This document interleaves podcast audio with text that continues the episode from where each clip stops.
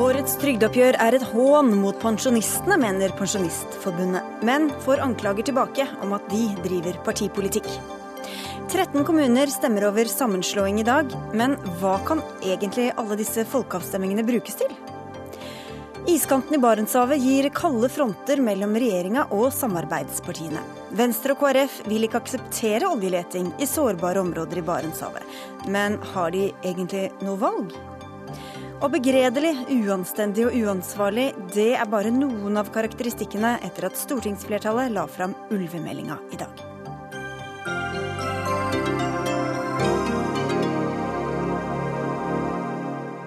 Da er vi i gang med Dagsnytt 18 på NRK P2 og NRK2. Jeg heter Sigrid Solund. Og først i sendinga skal vi til nattens flystyrt.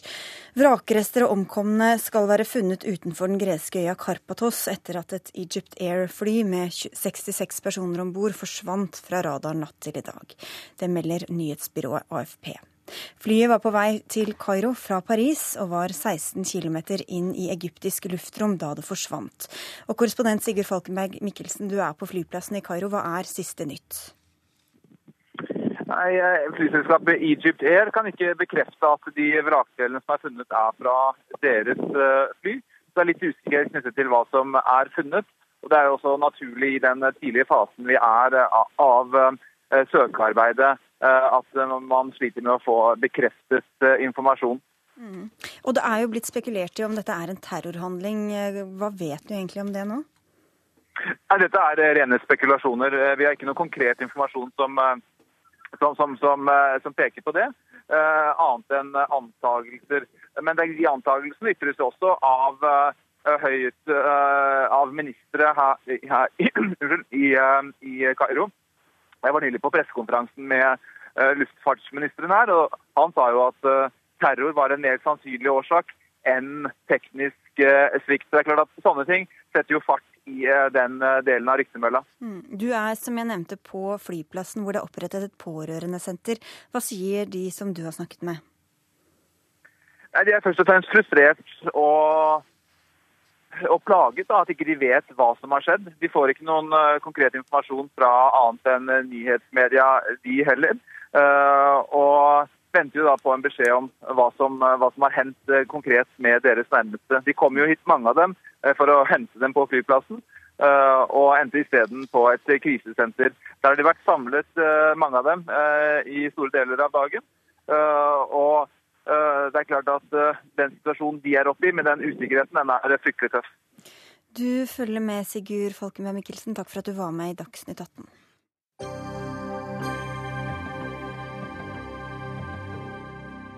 Årets eh, trygdeoppgjør skapte oppstyr da det ble lagt fram i dag. Alle pensjonister og trygdede kommer nemlig til å få mindre penger å leve for fordi prisene stiger mer enn det pensjonen deres justeres med. Og hvorfor er det rettferdig, arbeids- og sosialminister Anniken Hauglie? Først vil jeg si at uh, Vi er jo opptatt av pensjonistenes uh, økonomi. I tillegg til at vi øker uh, pensjonen i år med 4600 per person, så øker vi også pensjonene til gifte og samboende pensjonister med 8000 per par. Og etter initiativ fra Kristelig Folkeparti og Venstre i Stortinget, så øker vi også pensjonene til minstepensjonistene med 4000 kroner. Sånn at summen av det vi gjør, medfører et ganske kraftig løft for pensjonistenes økonomi økonomi, som eh, også pensjonistene selv har vært opptatt av. Men like fullt er det altså andre år på rad at pensjonistene får eh, redusert kjøpekraft?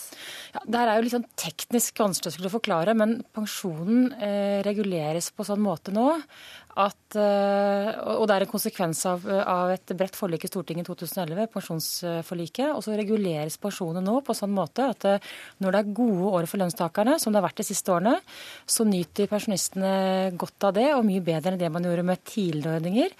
Eh, og når det er vanskelige tider for lønnstakerne, ja, så justeres pensjonene i tråd med det. Så, så man følger lønnsutviklingen i, i, gode og onde dager. og klart Nå har det vært en nedgangstid, men som jeg sa, når man ser på de andre tiltakene som er gjort, eller de andre ordningene vi har forbedret, så ser vi at pensjonistenes økonomi totalt sett kommer ganske bra ut. Da kan man jo spørre hvorfor dere roper så høyt, Jan Davidsen. Du er leder i Pensjonistforbundet. Nei, Vi roper høyt fordi at uh, vi mener at regjeringen her bryter den uh, forutsetningen som Stortinget la inn i forhold til reguleringen når man uh, innførte pensjonsreformen i 2011. Nemlig det at reguleringen skulle skje av en mellomting mellom lønn og prisutviklingen. Og nå har vi altså da fått en situasjon hvor prisutviklingen ligger over lønnsutviklingen. Og da har vi bare innsett det at vi også skal ta vår del av byrden ved at vi krever kun en eh, regulering i forhold til eh, det arbeidstakerne har tatt, og ikke en regulering i forhold til, eh, til prisen. Men dere krevde jo bl.a. at pensjonistene ikke får negativ kjøpekraftsutvikling.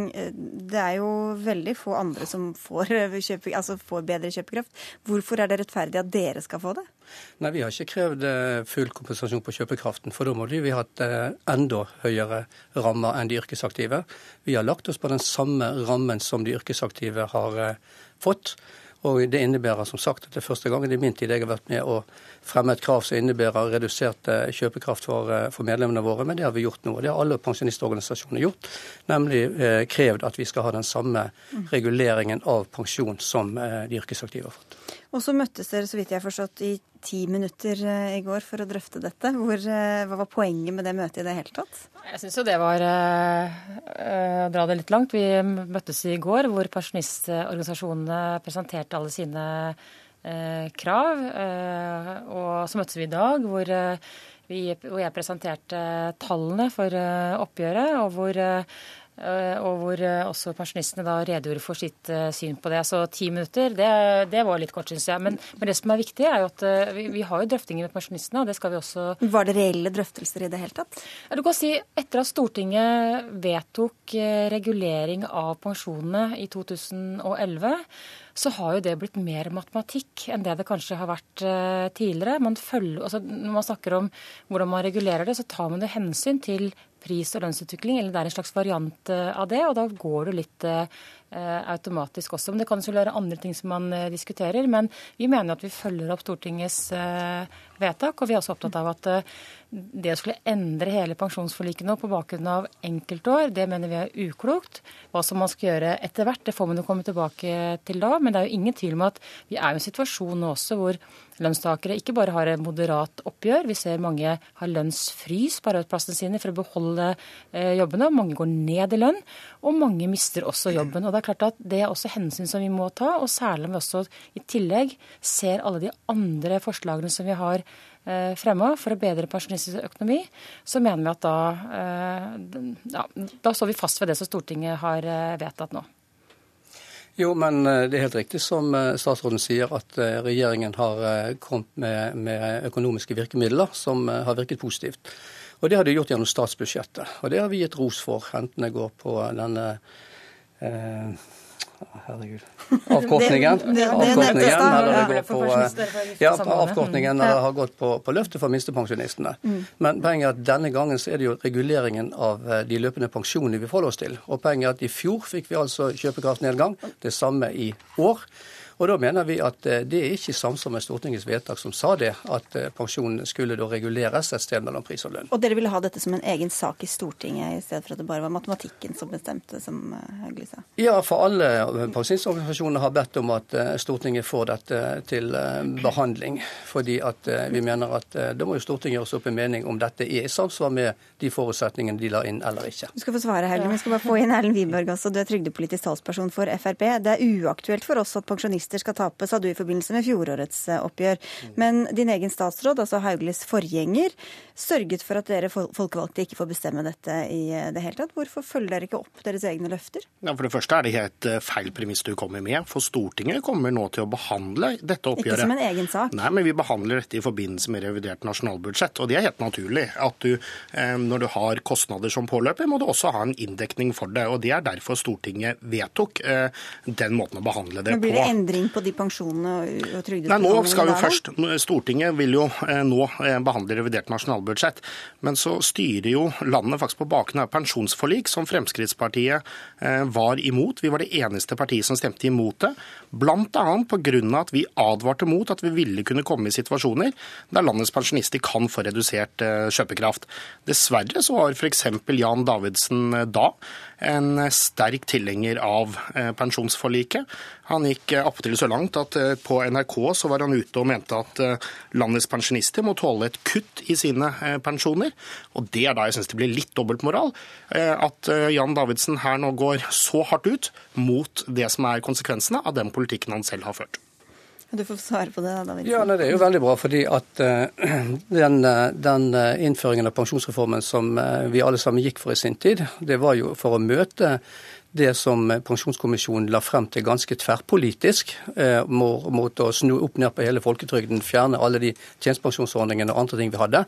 Og Derfor så var det det at eh, måten man eh, skulle da ligge dette opp frem var på, både i forhold til indeksering, men også levealdersjusteringen. Og Jeg tar ikke ansvar for Stortinget, det får andre gjøre, men det jeg har vært med på gjennom gjennom behandlingen i, i LOs organer f.eks., så er ikke mange av de forutsetningene vi la inn, ivaretatt verken av denne regjeringen eller for den saks del Eh, den forrige. Men det er jo ikke det dette dreier seg om. Dette dreier seg tross alt om et vedtak som Stortinget har fattet. Eh, og eh, da må Stortinget også etter vår oppfatning få en sjanse å vurdere om den reguleringen som nå skjer, er i samsvar med de, nemlig at pensjonistene skulle opprettholde da prisen, prisveksten. Ja, altså jeg, jeg, skjønner jo selvfølgelig at pensjonistene ønsker mer, men jeg tror det er litt viktig at vi ser pensjon i litt uh, lengre perspektiv, et generasjonsperspektiv. Bakgrunnen for reformen i sin tid var jo at man skulle klare å møte de enorme pensjonsutgiftene som vi så komme. Vi bruker i dag mer enn 200 milliarder kroner på pensjon, og vi bevilger nå 5,5 milliarder ekstra bare i år som en følge av, av trygdeoppgjøret. Så vi bruker store summer på det, og det skal vi gjøre fremover også. Men til det med Stortinget, så vil jo Stortinget fortsatt kunne behandle dette. Det er ikke noen forskjell på det. Forskjellen er bare nå at uh, Stortinget bevilger dette i forbindelse med budsjettet, og det er budsjettet som er stedet for å diskutere summer som dette. Så det er fortsatt grunn til å drive lobbyvirksomhet eh, de nærmeste ukene, Davidsen? Ja, det er all grunn til Men, men holder det, syns du, at det, at det, eh, tas opp i forbindelse med revidert budsjett? Nei, altså det vi har sagt, og hvis vi skal gå til gamle vedtak, da, så, så, var jo en av forutsetningene også var at den forhandlingsordningen som lå i det gamle systemet, at det skulle videreføres. Og Det er jo det som hadde vært den eneste løsningen på den situasjonen vi er oppe i dag, nemlig at vi som ansvarlige parter kunne satt oss ned og blitt enige om hvor ligger en ramme henne ut ifra det som, som de yrkesaktive har lagt. Det har jo vært liksom hele frontfagstenkningen i moderne tid, nemlig det at eh, partene tar et eh, større helhetsansvar. Men det er jo det som er faktisk noe av utfordringen med hele pensjonsforliket. At man har valgt å putte dette til å bli en matematisk modell, i stedet for at du skal f.eks. ha reelle forhandlinger, som kunne vært et annet eh, alternativ. Men og Fremskrittspartiet fremmet jo også forslag, har fremmet flere forslag om å rydde opp i dette systemet, eh, uten å få gjennomslag. Og Det er jo derfor jeg er veldig glad for at regjeringen eh, har tatt andre grep for å styrke økonomien til landets pensjonister. Bl.a. den gamle kampsaken til Fremskrittspartiet at vi syns det er urimelig at du skal straffes økonomisk pga. at du er gift eller samboende hvis du er pensjonist.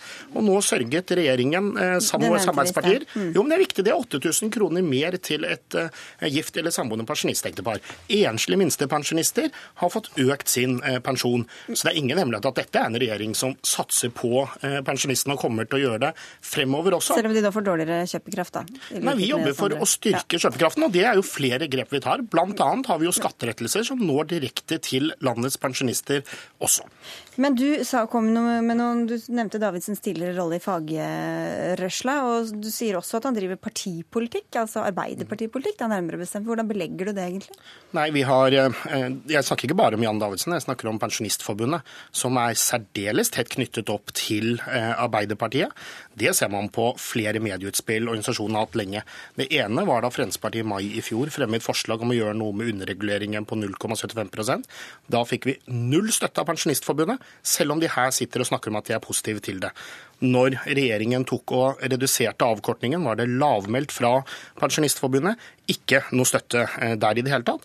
Og eh, Det kan selvfølgelig være flere grunner til det, men det er jo ingen hemmelighet. Jan Davidsen som er en av var, eh, og Arbeiderpartiet som var en av arkitektene bak pensjonsforliket.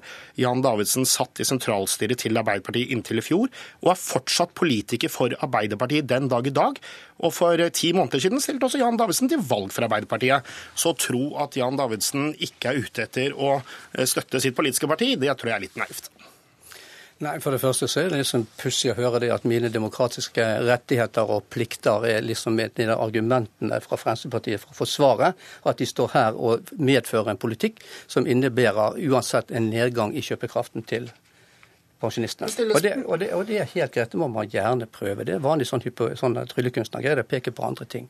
Poenget er bare det at når vi, dere i regjeringen sist gjorde bl.a. en avkortning, så var vi ute og ga ros for det og at ikke dere ville høre det, sannsynligvis. At dere valgte å gå til andre pensjonistorganisasjoner og la det fram. Det tyder jo heller ikke på at dere var veldig opptatt av å få et forhold til oss. Men Pensjonistforbundet er en partipolitisk nøytral organisasjon. Vi har et politisk program. Og eh, det er jo veldig bra hvis eh, flest mulig partier, inklusive Fremskrittspartiet, vil være med og hjelpe oss å støtte med det. Men da hadde det også vært en idé om Pensjonistforbundet faktisk hadde hatt lyst til å møte Fremskrittspartiet og ha en dialog om hvordan vi kan sammen sørge for å styrke rettighetene til landets pensjonister. F.eks. en annen ting regjeringen har gjort, er å styrke ja, oppsigelsesvernet til eldre pensjonister. Mm. Når vi ønsker å jobbe videre for ytterligere redusert avkortning. Eh, det håper jeg er da tiltak som da Pensjonistforbundet faktisk kan jobbe sammen med oss, i stedet for å ha bare for å si, Vi har vi sendte invitasjon til Bård Hoksrud, som var utpekt som, eh, som Fremskrittspartiet sin eldregeneral. Vi har ennå ikke fått svar på den. Vi har et godt forhold til flere eh, personer, kjente personer i Fremskrittspartiet, og bruker de og de er med på våre programmer. Så liksom dette blir jo bare De som sitter i arbeids- og sosialkomiteen og faktisk har ansvaret for landets eh, pensjoner, det er ikke interessant. Du får gi igjen telefonnummeret ditt, Erlend Wiborg. Vi må avslutte. Jeg skal bare stille deg et spørsmål helt på tampen her, Anniken Hauglie. fordi Poenget som du sier, er jo at pensjonsutgiftene bare vokser og vokser og vokser. Som du er bekymra for. Du er ikke mer bekymra for eh, FrPs manglende bekymring for dette, da? Eh, I regjeringsplattformen så står det at vi står bak Vi skal opprettholde og videreføre pensjonsforliket, så det er jeg ikke. Men det er faktisk ganske viktig at vi har kontroll på de utgiftene. Ja, vi skal sikre pensjonistenes økonomi. Opp, ja, vi skal sikre pensjonistenes økonomi, helt klart. Eh, både gjennom trygdeoppgjørene og gjennom andre ordninger som er viktige for pensjonistene. Men det er ingen tvil om at eh, pensjonens bærekraft er også viktig nå, ikke minst i et generasjonsperspektiv, som også mange av oss er veldig opptatt av. Ja, I regjeringsplattformen så står det helt klart og tydelig at uh, man skal styre på bakgrunn av pensjonsforliket, for det er det et flertall på Stortinget står bak. Men Fremskrittspartiet kommer til å fortsette kampen for å fjerne den usosiale underreguleringen av okay. landets uh, pensjoner. De skal ha samme utvikling som alle andre i samfunnet, verken bedre eller dårligere. Du får finne frem kortet ditt, Erlend Wiborg, og takk for at du var med. Takk også til dere, Anniken Hauglie og Jan Davidsen. Dagsnytt 18 alle hverdager klokka 18. På NRK P2 og NRK2.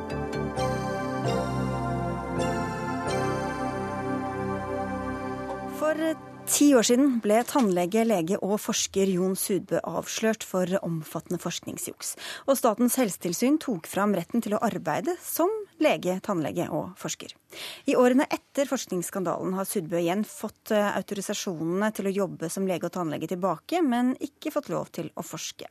Nå er han igjen kjernen i en strid mellom forskningsinstitusjoner, for i januar ble han ansatt som klinikksjef i Tannhelsetjenestens kompetansesenter Øst. Og dette sier dere til forskning.no at dere reagerer på. Pål Barkvold, du er styreleder ved NIOM, Nordisk institutt for odontologiske materialer, og dekan ved odontologisk fakultet ved Universitetet i Oslo. Hvorfor er dette en uheldig ansettelse? Altså, eh, la meg først eh, starte med å si at eh, dette er ikke noe, noe korstog mot Jon Sudbø. Han, for meg så er det uproblematisk om han jobber som tannlege eller lege. Det som er problematisk, er at en offentlig instans som er et, et kompetansesenter som skal eh, heve kompetansen i tannhelsetjenesten, og har som en av sine formålsparagrafer å drive praksisnær eller pasientnær klinisk forskning, ser jeg som svært problematisk hvordan man skal kunne skille forskning direkte på pasienter eh, og allikevel ikke kunne eh, være ansvarlig. Altså man skal være klinikksjef, men ikke kan være involvert i forskning, ser jeg på som problematisk. Og denne forskningen involverer også dere, et forskningssamarbeid med dere? Ja, du kan si at eh, det er naturlig at Universitetet i Oslo er en nær samarbeidspartner til dette kompetansesenteret. Eh, det, jeg finner det problematisk. Mm. Arvid Hallén, du er direktør ved Norges forskningsråd. Er du enig? Var det en uklok, bekymringsfull avgjørelse å ansette ham i denne stillingen? Det kan se sånn ut. Altså, fra mitt perspektiv så er uredelighet i forskning veldig alvorlig, og vi må håndtere det med stor konsekvens. Det truer jo tilliten til forskning, og forskning er helt avhengig av tillit. Hvis det hadde vært slik at, eller hvis det er slik, for det skal ikke si helt sikkert, at du kan dele ansvaret i den stillingen, slik at du kan holdes helt borte fra forskning, så ville det ikke vært problematisk fra mitt ståsted. Men nå kan det jo høres ut som om det, akkurat den delingen er, er, vanskelig, og da er det problematisk. Vi har selvfølgelig forsøkt både Jon Sudbø og TKØ, som det heter, å få dem til å komme til Dagsnytt 18 og delta her. Ingen av dem har ønsket det. Men direktør Hilde Vogt Hoven sier at vi har ansatt en klinikksjef som skal lede den kliniske pasientbehandlingen ved tannklinikken. Han skal ikke drive forskning. Forskningen ivaretas av vår forskningsleder og forskningsavdeling. Hvorfor stoler dere ikke på at dere klarer å holde dette skillet? Jeg tror at det er svært problematisk, fordi at eh, klinikksjefen vil jo ha det juridiske ansvaret for alle pasientjournaler, eventuelt uttrekk av data osv. Forskningssjefen i TKØ er ikke verken lege eller tannlege. Og da ser jeg det som relativt problematisk, ja. Denne Subbe-affæren eh, mm. som altså skjedde for ti år siden, hvor, hvor, stor var den? Hvor skandaløst var det? Den var veldig stor. Den, den omtales fortsatt som et uh, veldig viktig eksempel på veldig vidtgående forskningsfusk. Det var, det var fabrikkering av data. Det var, det var, publisering i de beste tidsskrifter som bygget på et falskt grunnlag. Og uh, det, det det er et stort spekter hvor du kan bryte etikk, retningslinjer eh, og eh, uredelighetskrav. Men, og dette var et veldig Altså fabrikkering av data er veldig, veldig alvorlig. Vi har hatt noen tilsvarende saker. For noen år siden en, en veldig stor sak i Danmark, men Sudbø-saken er fortsatt godt kjent. Men nå er det jo gått ti år. Han har jo lagt seg flat. Det er jo grunn til å tro at han har lært av det her. Hvorfor kan han ikke få en ny sjanse, da? Som, han har jo fått tilbake autorisasjonen å drive han får ikke være forsker. behandling. Men jeg tror at uh, jeg deler fullt ut den Det er ikke vår beslutning, men, men Statens helsetilsyn. Og jeg er helt enig i den vurderingen at en som for tross alt relativt kort tid siden har vært ansvarlig for et så vidtgående uredelighet i forskning, uh, bør ikke ha, være involvert i forskning. Jeg tror det er veldig viktig å være som jeg sa, veldig konsekvent i slike saker. Fordi det er veldig truende hvis ikke vi er setter mm. veldig klare begrensninger i sånne tilfeller. Og Det er klart at uh, det er ikke Universitetet i Oslo som har sagt at han ikke får drive forskning, det er altså Statens helsetilsyn som har sagt det. Og det er da vi har selvsagt en klar bekymring knyttet til det. Hvordan eh, kan det være grunn til å frykte at eh, det kan gå utover tilliten til dere, da, som skal samarbeide med dette senteret? Ja, det er jo det som er frykten. At knytt, altså så lenge forholdet er som det er, og tillitsbruddet som Hallén snakker om her, såpass alvorlig at det vil jo vi tenke på kan gå utover vårt omdømme i forhold til andre internasjonale partnere. For saken er jo stor fremdeles internasjonalt. Så eh, Betyr det at dere kanskje ikke ønsker å ha dette samarbeidet likevel, eller? Det, det, tror jeg det klart kan se ut som om det Eller det, for å si det sånn, dette blir svært problematisk. Ja, Men dere har ikke tatt noen endelig avgjørelse? Nei, men uh, det sier seg vel selv hvor vi kommer til å ende hen. Akkurat. Så nei da, egentlig. Ja. ok, Og tillit er ikke noe som kan bygges opp igjen i løpet av en, det du kalte en kort tidsramme på ti år? Nei, jeg tror faktisk ikke det. At her er det veldig riktig å sette veldig klare gram. Det tror jeg både av hensyn til den det gjelder, og av hensyn til forskningen. Må bare gjenta at Vi har spurt både Kompetansesenteret og Sudbø flere ganger. De har ikke ønsket å stille. Vi får se om de kommer på banen etter hvert. Tusen takk skal dere ha begge to. Arvid Hallén fra Forskningsrådet og Pål Barkvold fra NIOM og Universitetet i Oslo.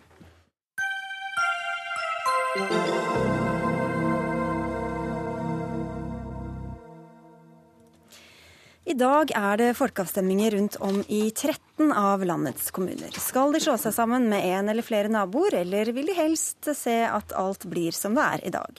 Det er rundt 200 kommuner som skal ha sånne folkeavstemninger i forbindelse med kommunereformen, og nå er vi omtrent halvveis.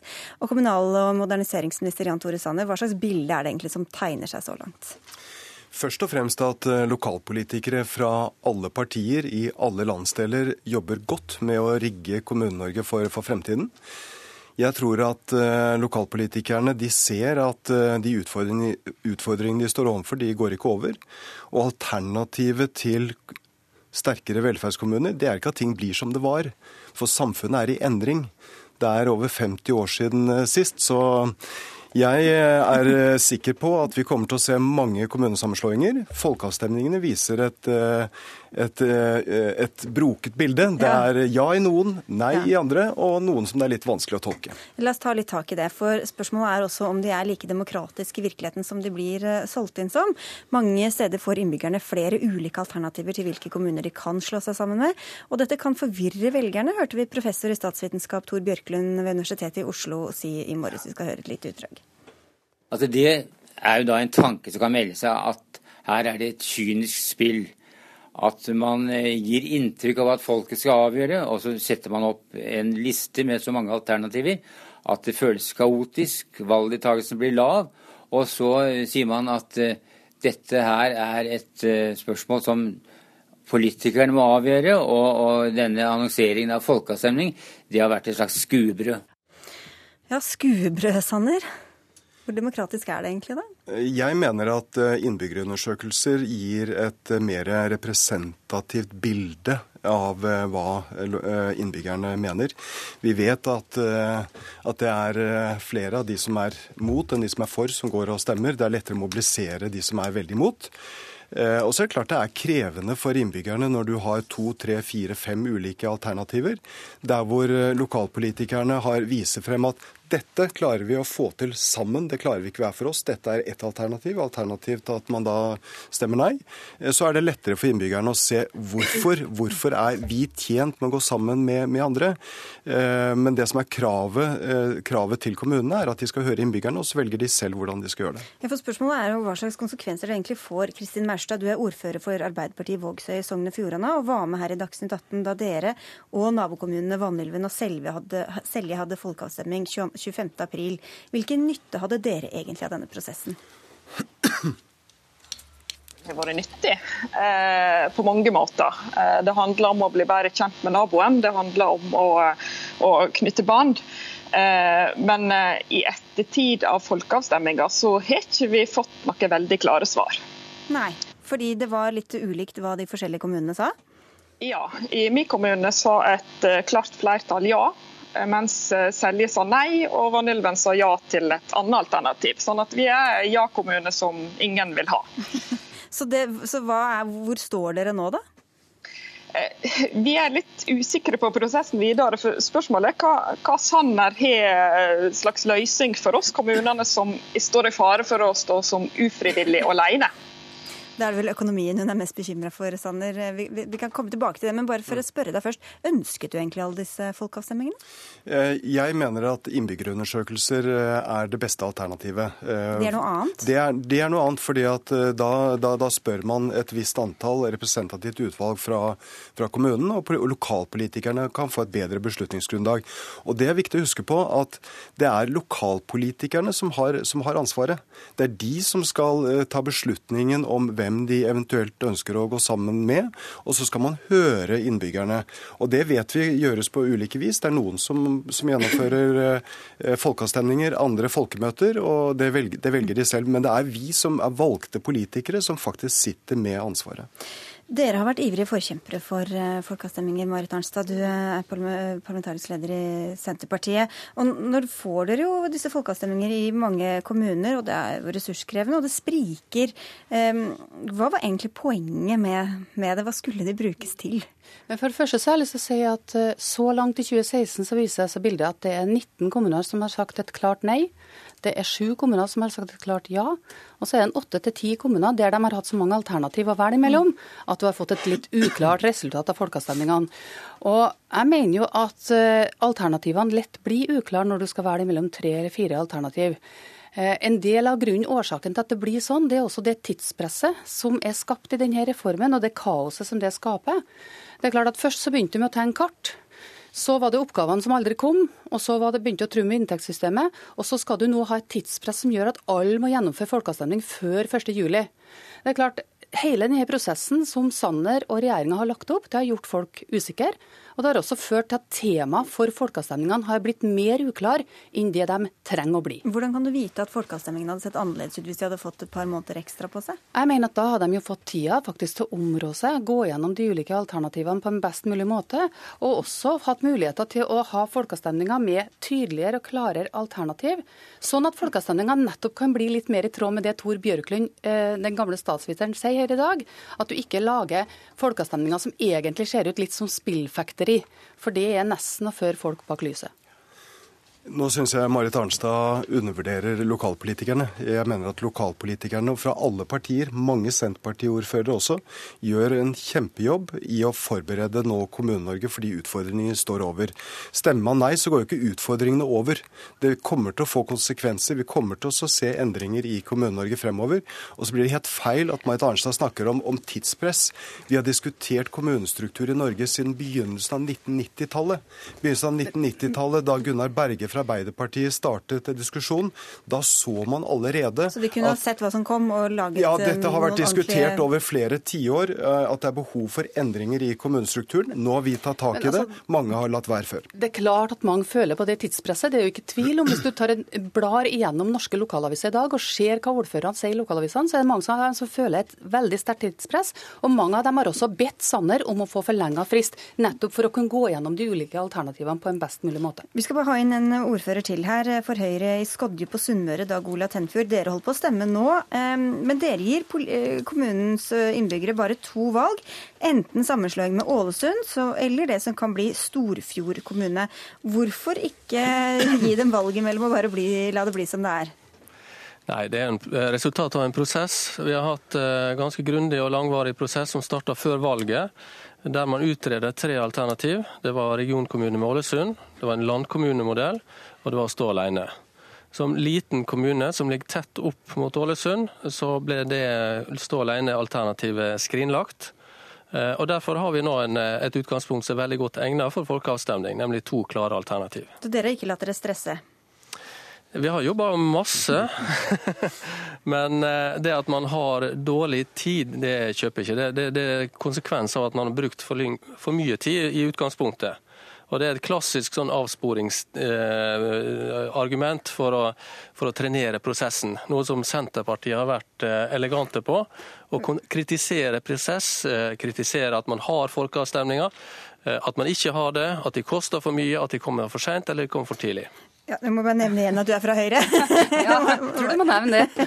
Marit Arnstad, hvis dere vil, altså, hva er poenget med, med denne lokaldemokratiet hvis dere ikke skal ha tillit til at folk klarer å liksom, løse det på god nok måte Jo, men så Poenget er at jeg mener ikke at det er folkeavstemninga i seg sjøl som er problemet her.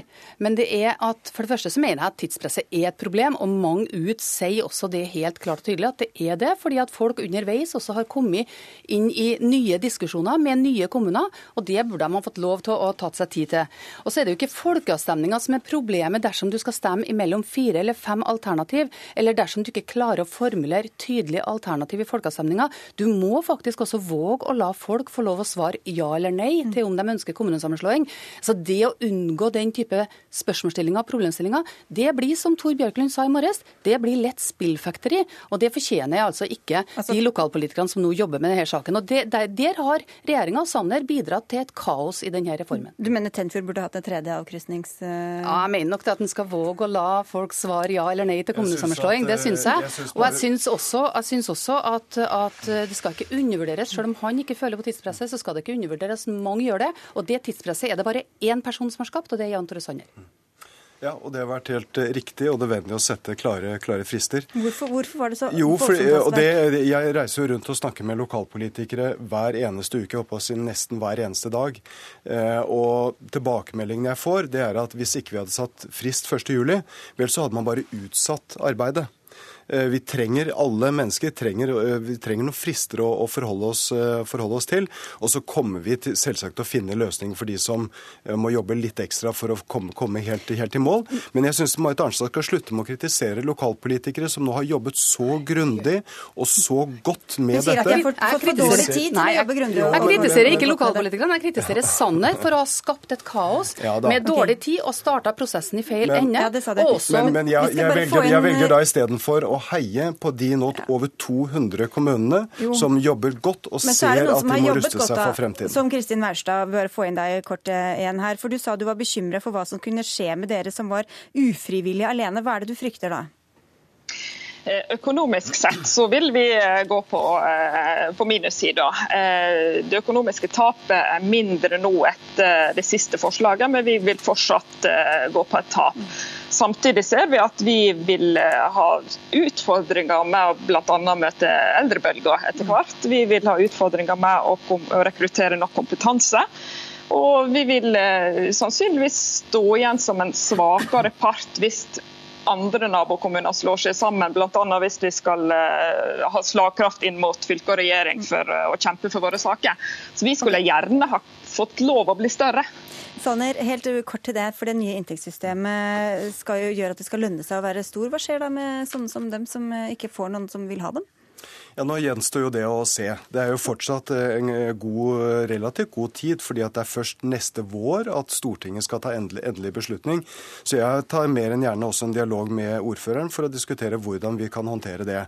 Når vi endrer eh, inntektssystemet for kommunene, så er det fordi at vi har hatt et inntektssystem som fryser fast en gammel ja, men kommunestruktur. Du var ikke svar på mitt spørsmål. Hva som skjer med de som blir stående ufrivillig og altså være små mot sin vilje? Ja, Det er jo da en diskusjon som man da først først må ta lokalt for å diskutere hvem man da eventuelt ønsker å slå seg sammen med. Hvis ingen vil slå seg sammen med så jo, kan du ikke tvinge jo, dem heller. Men nå skal ikke du forskuttere dette. Det er ikke alle, er ikke alle sorger som, som, blir oppfylt. Eh, de må melde inn til Fylkesmannen hvem de ønsker å, å, slå seg sammen med, og så har vi en dialog med dem frem til Stortinget skal ta endelig beslutning. Men, men jeg må få lov til å svare oss på inntektssystemet. Veldig kort, altså, vi har egentlig ikke Jeg har ikke sagt noe om inntektssystemet, men jeg vil gjerne si at det at kommunalministeren her ikke kan svare akkurat på det spørsmålet ditt der, det er jo en del av det kaoset han er med å skape. Han skaper usikkerhet for nettopp de kommunene.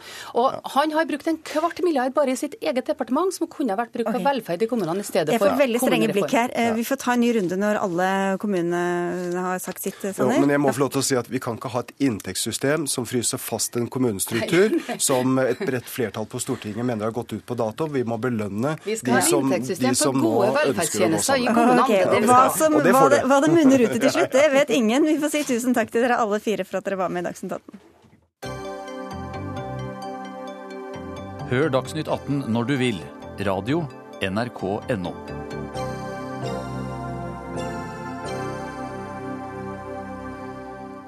ingen av regjeringas samarbeidspartier vil ha noe av det regjeringa lanserte med brask og bram i går, nemlig oljeleting i områder nær den omstridte iskanten i Barentshavet, i forbindelse med 23.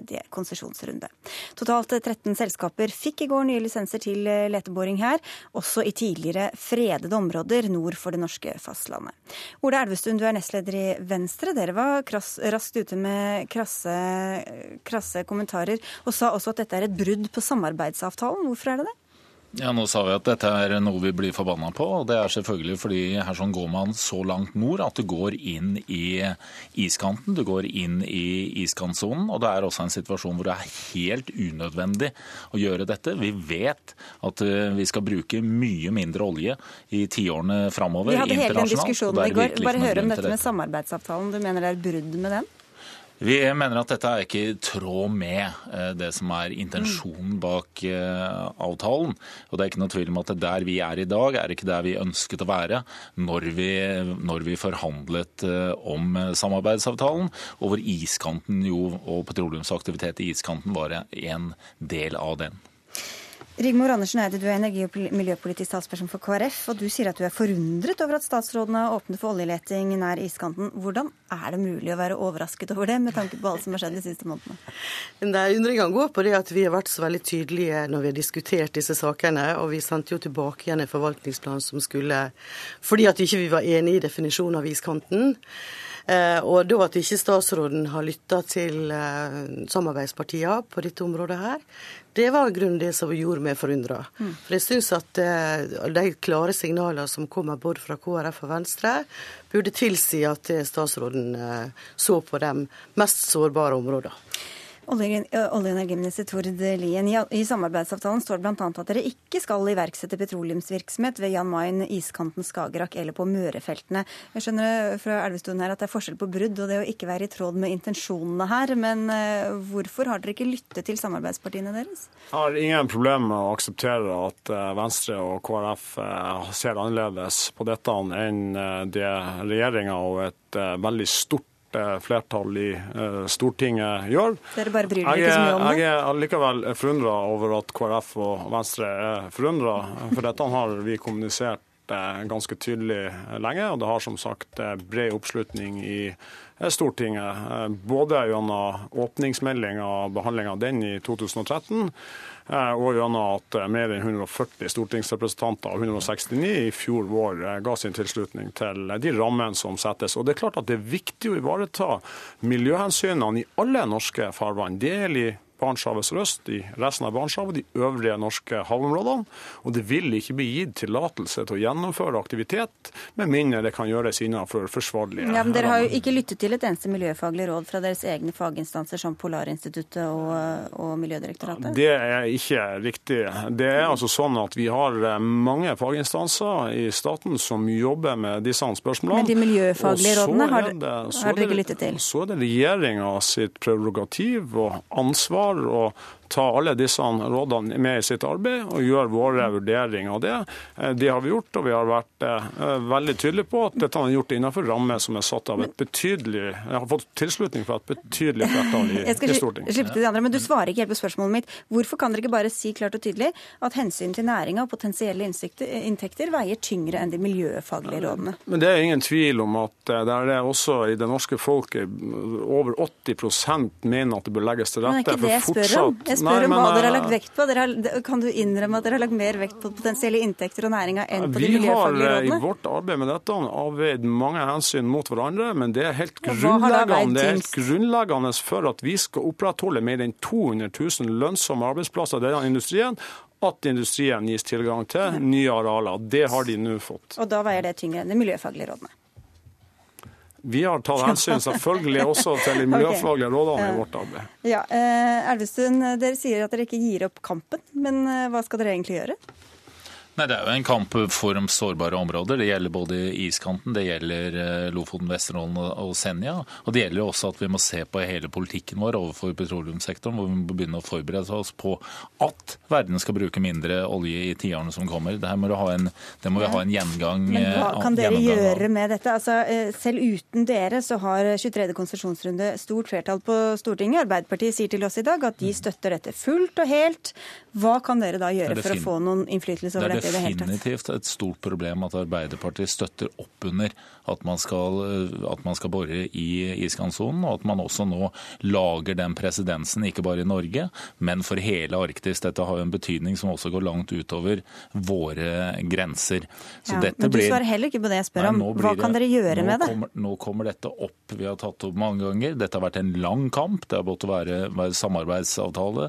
Det gjelder i forhold til den saken som var i fjor oppe om iskanten, hvor regjeringen jo ikke fikk flertall, og nettopp har ikke noe faglig grunnlag for hvor iskanten går. Man har bare den siste tilgjengelige kunnskapen, som er Polarinstituttet sin, sin høringsinnspill. Da skulle flere av disse feltene vært tatt ut. Det neste steget vil være i Stortinget allerede til uka, hvor du har hvor en sak som ligger inne, hvor det også vil bli en eh, avstemning. Så forholdet til hvordan skal vi ivareta hvordan skal vi ivareta de sårbare områdene, er definitivt en kamp som pågår. Eh, hva skal dere gjøre da i KrF? Nei, altså, vi vil nok følge, følge, Venstre i tankegangen når det gjelder det. Og vi er også opptatt av at det, Følge tankegangen, ja, altså, hva betyr det? Det betyr at vi skal ha, den sak, vi skal ha klimasaker opp neste uke. Så vil det da komme forslag. Fra SV om å avlyse hele 23. konsesjonsrunde? Ja, og det, ikke, det, går ikke vi på. fordi vi er ikke mot å, å, å stoppe hele 23. konsesjonsrunde. Det vi har vært opptatt av, det er de mest sårbare områdene disse her tre-fire blokkene som ligger i den sårbare sona. Og ikke, ikke, bare Altså, vi er opptatt av det at mye av økologien og det som eh, viser seg når isen går tilbake, så er det så masse som ikke er forska på. Mm. Og et uhell i det området Både, altså Om det er langt unna, så kan, kan ting komme under isen, og vi er veldig bekymra for det. Grunnen til at jeg ikke tar, tar så nøye det, er fordi vi hadde en lang runde om dette i går, nemlig, så derfor tenkte jeg skulle snakke okay. mer om samarbeidet med dere nå, Tord Lien. De skal både ha oppmerksomhet og de skal følge opp. Du skjelver vel i buksene nå, kan jeg tenke meg? Som sagt så er det 100 og, mer enn 140 stortingsrepresentanter som står bak de rammer som er satt. De rammer som er satt for aktivitet i dette havområdet, vil ivareta disse eh, viktige miljøhensynene. Jeg mener at alle norske havområder skal man ivareta eh, biologisk mangfold og miljøhensyn. Det gjelder selvfølgelig også eh, i Barentshavet sørøst. Og når det gjelder, det høres ut på, på denne debatten som at vi skal bore mer eller mindre i tjukk is. For det første så har det altså ikke vært havis i disse havområdene på 17 år.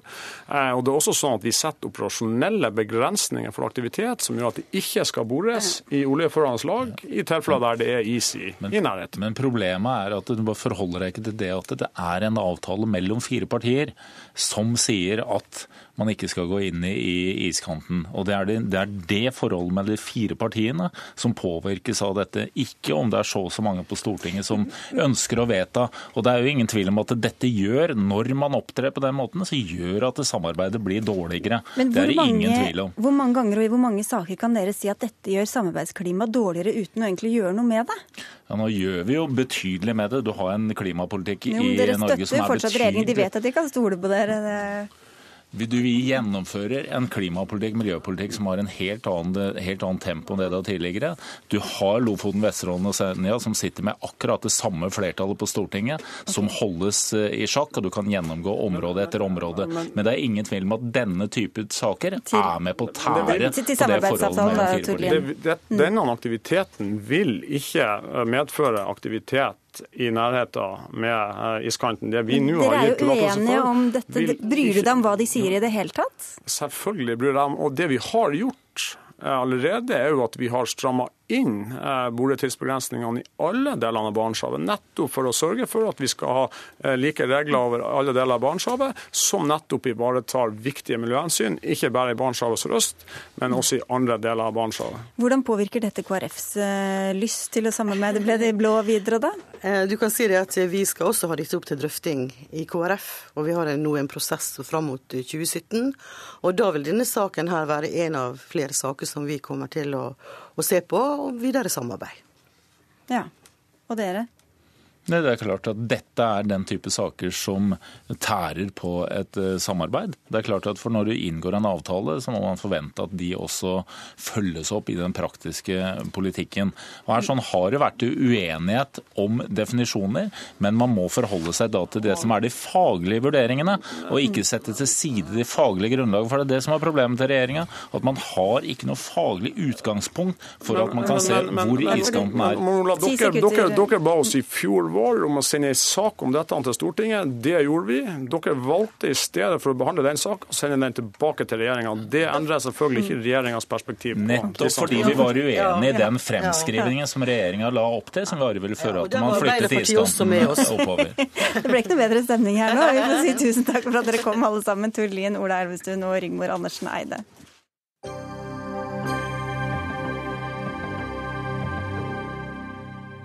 Og nå til en sak med ikke noe lavere konfliktnivå, nemlig ulvesona. Den blir litt mindre og bestandsmålet litt annerledes. I dag la regjeringspartiene på Stortinget fram eh, ulvemeldinga altså, som de har sikret flertall for, med støtte fra Arbeiderpartiet og KrF. Både Senterpartiet, Miljøpartiet De Grønne, Venstre og SV trakk seg fra forhandlingene.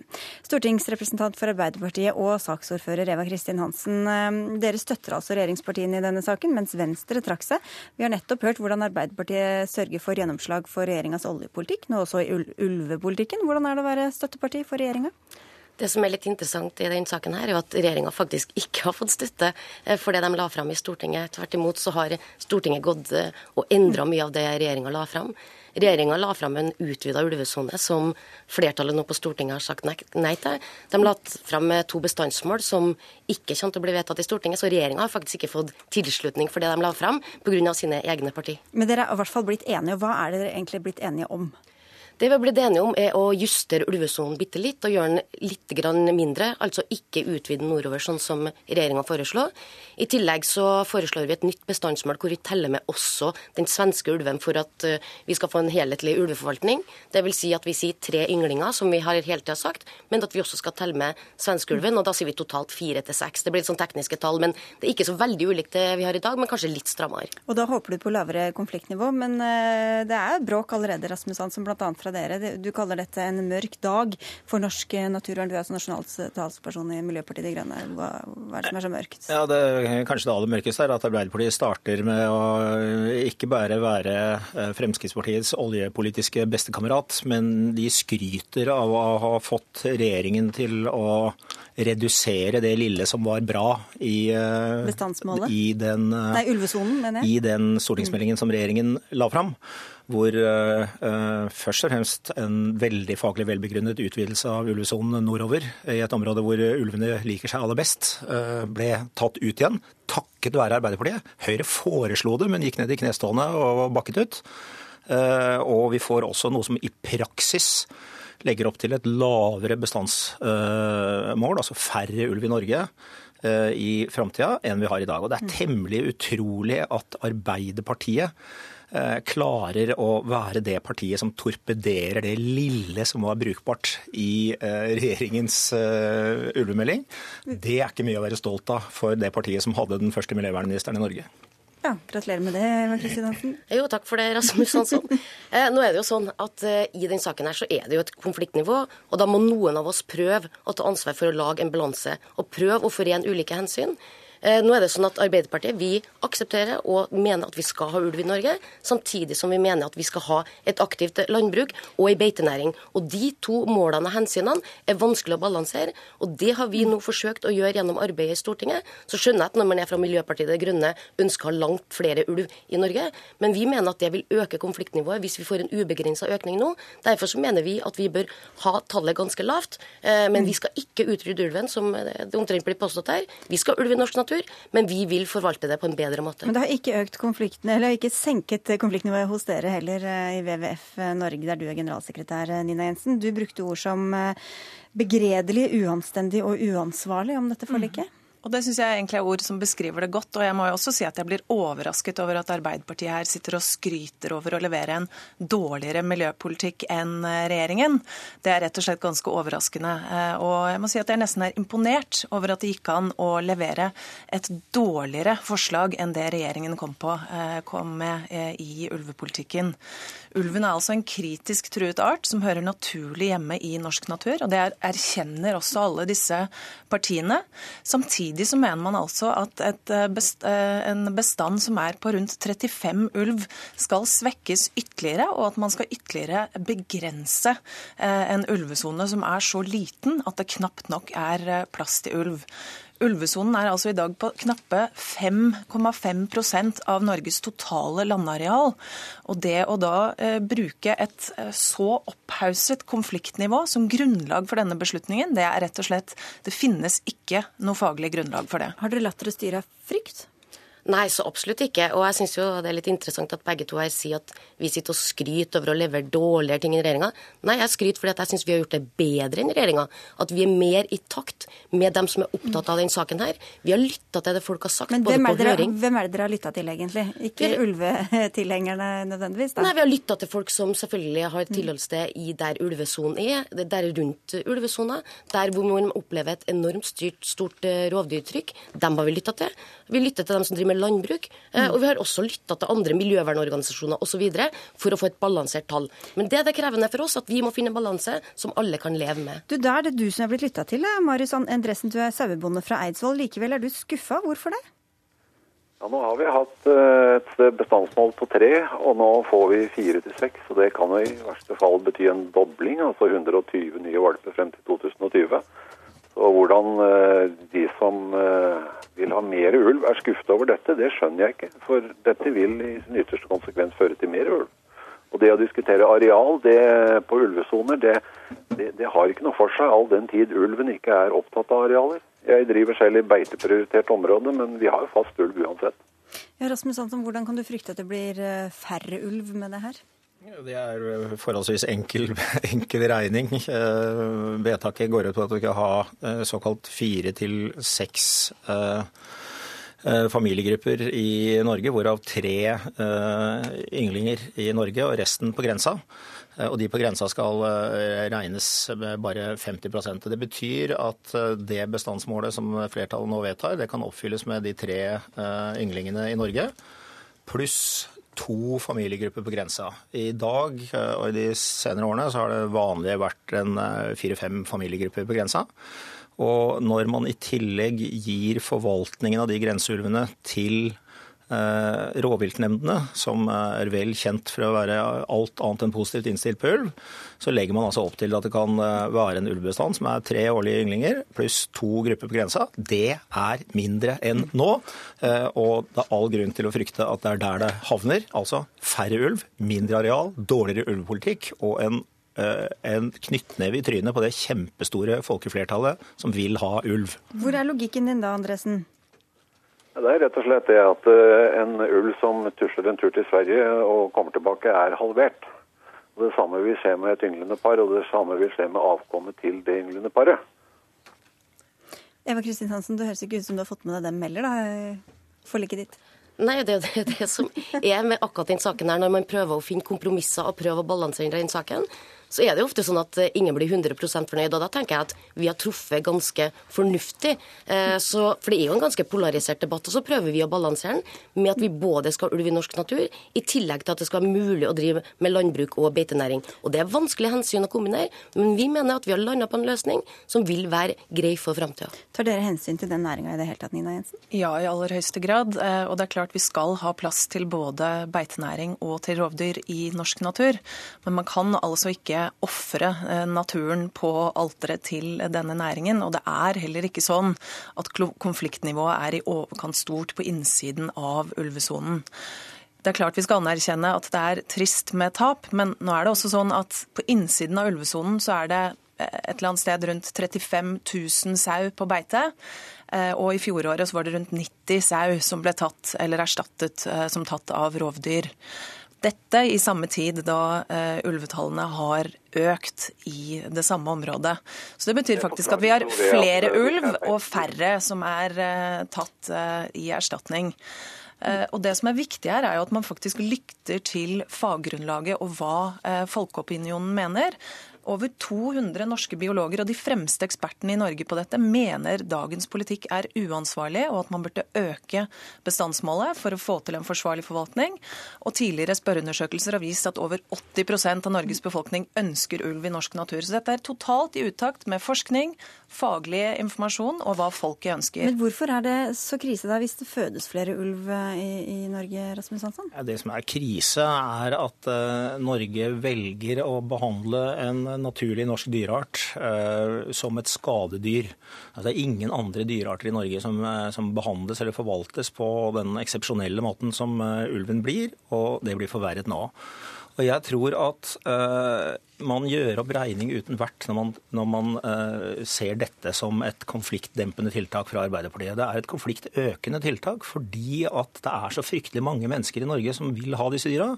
Og jeg tror at beitenæringa sjøl, landbruket, som vi absolutt skal ha, absolutt skal støtte, bl.a. med bedre skadeforebyggende tiltak, men både de og eh, flertallet på Stortinget har interesse av å se eh, litt inn i framtida og innse at ulven skal vi ha, ulven må vi ha, og vi er nødt til å finne løsninger som ikke er basert på å ha færre og færre og skyte flere og flere. Det skaper konflikt, det løser ikke en konflikt, og det er det tristeste ved dette vedtaket. At den løsningen er nå utsatt enda en omgang til vi får neste ulvemelding. Og jeg håper at Arbeiderpartiet er litt mer på banen. Det er to mot én, du må få slippe til, Eva Kristin Hansen. Ja, jeg syns det er litt interessant å mene at f.eks. at vi skal triple da, antallet ulver i Norge vil bidra til konfliktdemping. Jeg tror tvert imot. Hvis man øker antallet ulv kraftig, så vil konfliktnivået øke. Så egentlig null, da, så blir det null konflikt? Er det målet? Nei, absolutt ikke.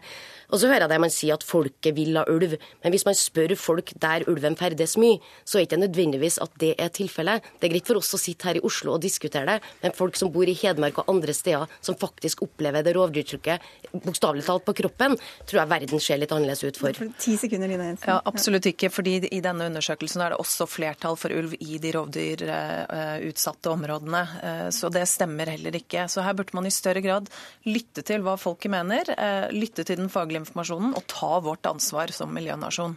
Men det blir altså flertall for det dere la fram, Eva Kristin Hansen. Vi får si tusen takk til deg, og takk også til Nina Jensen, Rasmus Hansen og Marius Andresen med fra på telefon. For Dagsnytt 18 er eh, over for i dag. Det var Dag Dørum som hadde ansvaret for sendinga. Lisbeth Sellereite var teknisk ansvarlig, og i studio Sigrid Elise Solund.